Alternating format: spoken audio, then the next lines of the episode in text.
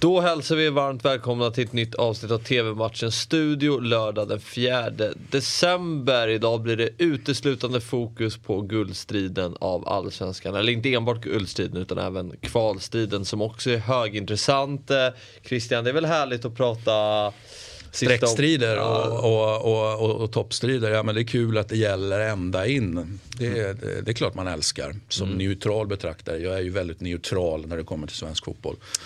Eh, så att eh, det tycker jag är häftigt. Mm, och till, börjar vi i toppstriden så, uh, och mötet mellan Malmö FF och Halmstad. Jag tänker att det blir, så här, det blir ett speciellt avsnitt det här med tanke på att matcherna startar samtidigt och de går in i varandra på något sätt. Så det blir lite, mm. Mm. kanske lite spretigt här idag. Men uh, Malmö tar emot Halmstad. Uh, Malmö tog en blytung seger senast mot Kalmar 1-0 efter sent avgörande av Jo Inge Berget. Behöver en poäng för att eh, säkra SM-guldet. Halmstad, som krigar ner i botten om den här eh, kvalplatsen, behöver vinna med största sannolikhet för att Degerfors möter Östersund på bortaplanet. Ett värdelöst Östersund. Ja, men superspännande då att se hur Halmstad tar sig an det här. Och man, alltså vilken filosofi man kommer eh, och angreppssätt man har i den här matchen. Eh, det vill säga hålla emot. Jag menar, alltså alla är överens om att Malmö FF är det bättre laget. Okej, okay, ska vi se till att det står 0-0 så länge i matchen och sen försöka forcera? Eller ska vi vara mer offensiva, försöka gå för det lite tidigare? Den, den så säga, taktiska mm, matchen i matchen, den kommer, mm. jag, den kommer jag ha koll på. Ja, Halmstad är ju ett väldigt, de är ju ramstarka. Det är ju sällan de förlorar med, med mer än ett mål. Och mm. det är sällan de gör fler än ett mål i en match. Så... Och alltså ska de kunna hålla, om de vill, 0-0 länge i matchen. Ja, då. Det är egentligen det du säger. Ja, men det är det jag tror. Att så här, låta det liksom låta pressen ligga på Malmö. För säg att det står 0-0 efter 70 minuter. Mm. Ja, vad händer då? då ju... Fabbe, vad händer då? ja, men då jag, jag tror att Malmö är ganska bra på att handskas med det här. Men det är klart att det kan smyga in en, en liten stress på, på hemmalaget då. Mm.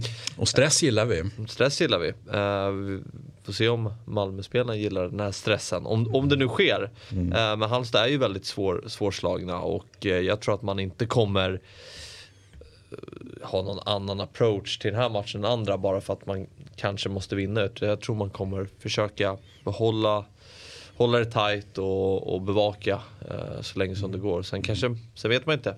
Fast situation. Mm.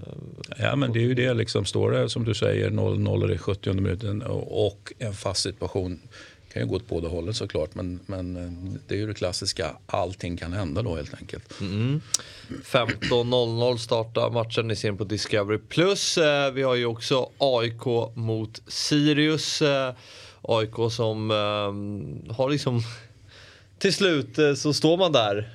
Det har ju varit mm. upp och ner för AIK. Man har ju fått kritik ibland för att man inte har spelat den bästa fotbollen. Bortaspelet har varit värdelöst. Och så och så är man ändå med ja. och, det måste man ju vara imponerad ja, av. Det betyder ju att man då, om vi nu tittar och blickar framåt, liksom, om, om man då får ordning på bortaspelet utan att det inverkar på det ramstarka hemmaspelet Ja, men då känns det ju såklart i ett AIK-perspektiv jättespännande inför nästa säsong. Ehm, så att, så att ehm, ja, häftigt. Mm, man vann ju med 4-2 mot Elfsborg senast i en, mm. ja, en imponerande vändning. Man låg under med ja, där var, inte, där var jag, även om jag nu sa att jag är neutral i svensk fotboll, så var jag inte helt nöjd med det resultatet. Sorry alla aik där ute.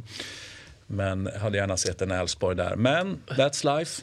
Och man vände 1-0-1 1-2 till 4-2. Så man har, mm. har ju den här mentala styrkan som är imponerande i, i den här, den här viktiga delen av säsongen. Uh, man ställs mot ett Sirius som säkrade kontraktet uh, i måndags mot BK Häcken med 3-0. Mm.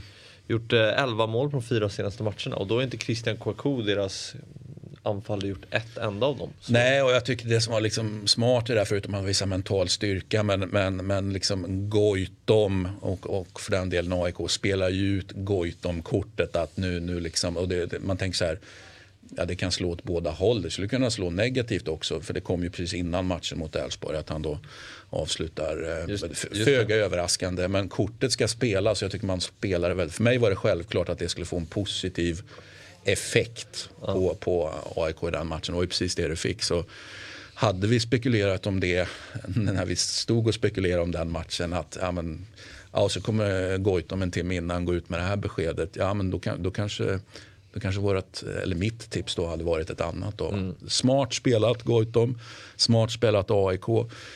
Och nu blir det att Goitom ska ja, firas av på hemmaplan. Liksom. Smart spelat. Mm. Högt biljettryck inför den här matchen. Det kommer ju, kommer ju stå 3-0 till AIK efter 10 minuter känns som.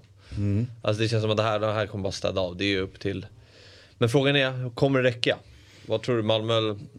Eh, jag tror att Malmö vinner sin match och då är det ju så att säga stängt.